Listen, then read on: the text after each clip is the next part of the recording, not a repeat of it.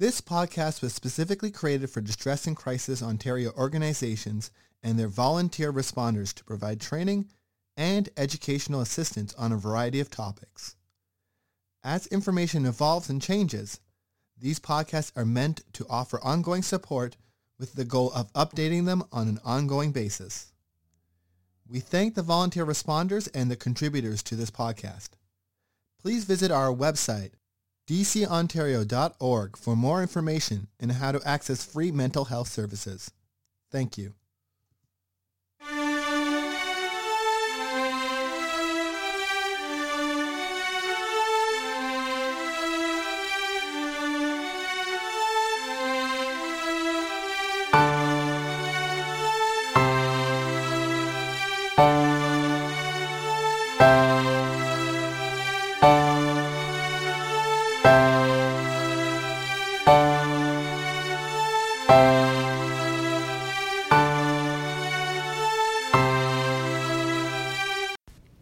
Hello and welcome.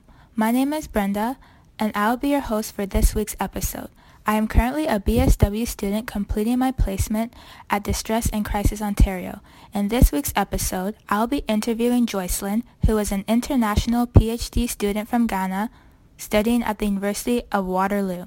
She will be sharing how the isolation aspect of COVID has impacted her studying experience in Canada and her mental health. Enjoy! Hi, Joycelyn. Thank you so much for taking time out of your day to come and do this interview with me. How are you doing today? I'm doing well, thank you, Brenda. How are you doing too? I'm also doing well, thanks. So, can you please tell us about yourself, like your name? Well, I already mentioned that, but where you're from, your program, how long you've been in Canada? Okay, so my full name is Joycelyn Amoakong. Um, I remember the first time I arrived in Canada, it was in August 2019. I remember the day very well, 30th August 2019. And then I'm a PhD candidate at the University of Waterloo. My faculty is the School of Public Health and Health Systems. So this is my second year. Yeah. And I'm originally from Ghana. Awesome. Thank yeah. you for sharing that about yourself. So you mentioned that you're an international student mm-hmm. um, from Ghana mm-hmm. and we are in the midst of a pandemic. So how has the pandemic impacted your learning slash schooling experience? Oh boy, it has been such an experience. I believe that the pandemic has affected all Canadians, mm-hmm. but then the implications vary from person to person, right? Yeah. And as an international student, I'll say that it has affected me very, very much because first of all, my parents are not here. I live alone, mm-hmm. so I have to do basically everything alone. Always living indoors by myself, just hoping that things get better, and then all that. And then about my learning now my both work as a research assistant and as a student is all remote. So I work from my room. That's how I don't know if it's badly. Mm-hmm. That's how much it has affected my schoolwork too. Mm-hmm. So I usually have meetings with my professor, other students, my work.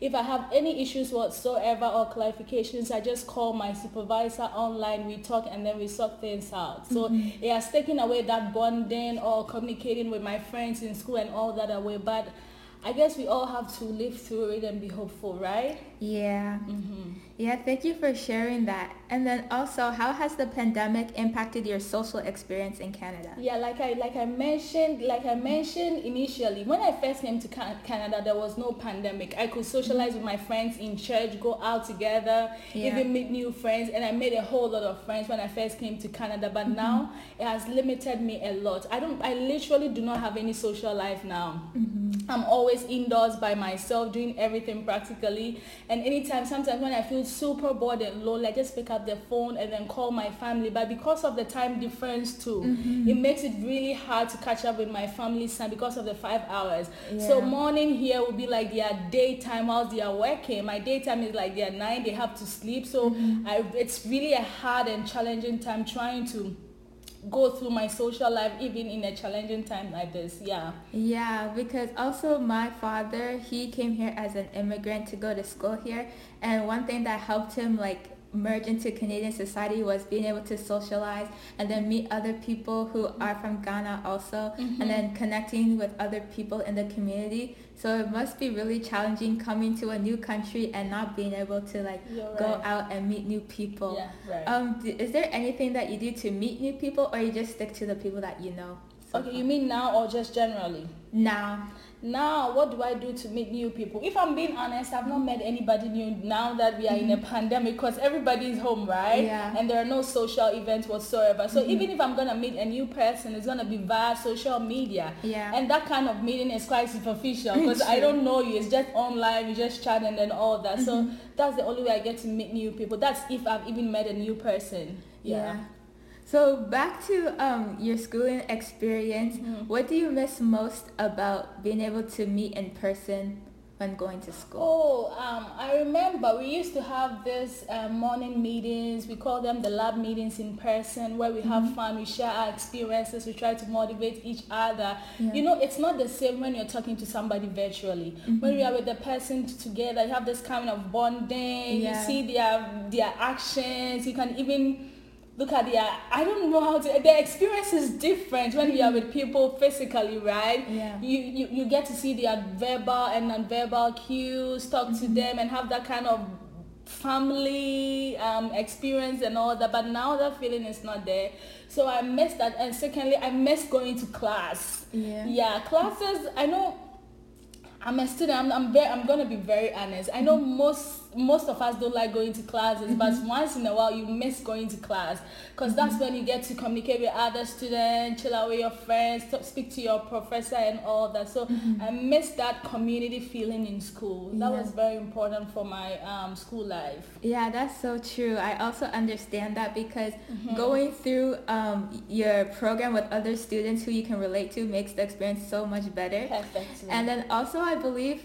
um, the aspect of community it stems from our Ghanaian culture because mm-hmm. in Ghanaian culture, community is very important. Mm-hmm. Connecting with others is very important. So I can see true. how like it can be difficult during yeah. these times. Very true. Mm-hmm. And so also, how has the pandemic impacted your mental slash emotional health? Hmm like I said, my mental health with this pandemic, at the beginning of this pandemic, it wasn't easy for me at all. Living alone, having to move to the house alone, to study, do virtually everything at home it was kind of hard on my mental health because I used to feel like a sense of loneliness, like mm-hmm. fear for no reason and all that. So, and it made me anxious a lot of times because I got nobody to communicate with. Mm-hmm. And then even at the beginning of the pandemic, I lived alone, like in a one bedroom, whatever. I didn't have anybody. I like now that I have a roommate, at least I get to see her face and all that. Mm-hmm. So that time was really, really hard on my mental health, but it's getting better by the day.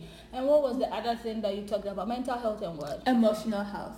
Emotional health. I feel like our emotional health is in a way connected to our mental health because yeah. our our emotions in a way also influences how we think about situations or how we think about situation might actually impact our emotions. Yeah. So my emotional health was also impacted in several ways. I used to feel anxious like loneliness missing home. I wish i would be with somebody but it's in a pandemic you cannot really go out. Mm-hmm. and now it's winter because so it's like a double implication of winter and, and coronavirus yeah. you have to be home studying so it really did did have an impact on my mental and then emotional health, right? Mm-hmm. But eventually, as things are we are just living through the pandemic and I'm adjusting and all that. Mm-hmm. Now I'm way better than before and I thank I really thank God for it. It's good to hear. So how mm-hmm. were you mm-hmm. able to cope through it and like work through all of that? Yeah, perfect. So I would say that if I'm being very honest like me, the number one thing that got me through this whole thing is my mm-hmm. faith. Mm-hmm. Yeah, my faith that everything is possible for those who believe in God. So mm-hmm. prayers, believing, that was the number one thing.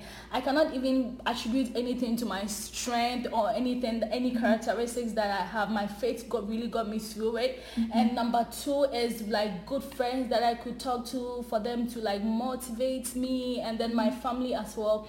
And then once in a while I get to see my boyfriend and then we talk and then have a nice time together and all that. So that really helped me too. Uh, thank you for sharing. Yeah all those things are really important aspects. I took a resilience class and they spoke about all those points about how spirituality mm-hmm. community all those things all play a role in like our well-being. Mm-hmm. so thank you for sharing those points. Is there anything else you would like to add? Anything else you would like to add Yeah, of course. Finally, I wanted to say that indeed we know that at a, at a time like this is really challenging because of the coronavirus and has affected uh, like almost everybody around the world. But then the impact on each person is different because we vary depending on our health status, economic status, our gender, even our age and all that. Mm-hmm. So the implication of coronavirus and isolation in my in my life as an international student also varies but the number one area that it has really impacted me is my mental health and my emotional health.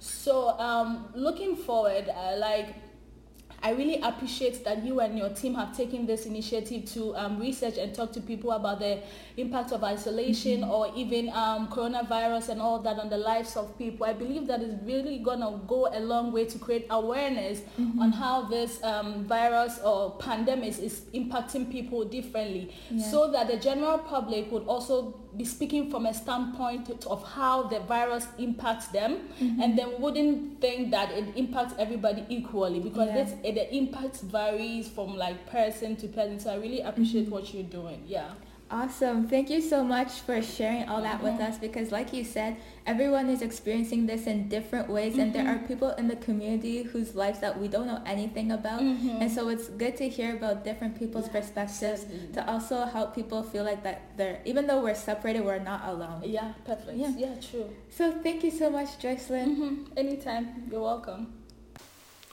Hi, I'm Damien, one of the editors of the DCO Learning Forums podcast.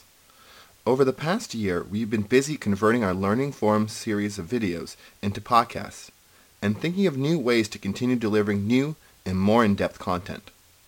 We've seen the demand, and we're announcing our move to Pinecast and our new tip jar function. Please consider going to tips.pinecast.com slash jar slash distress and crisis Ontario and donating and in return we'll be recording new follow-up episodes on some of our most popular topics. These will be accessible for tippers only and will help pay for travel, web hosting, etc. For the interim, you'll still be able to access existing content on both on both the Pinecast and Fireside feeds for free, but eventually we'll be making the switch to Pinecast. Thank you for your understanding.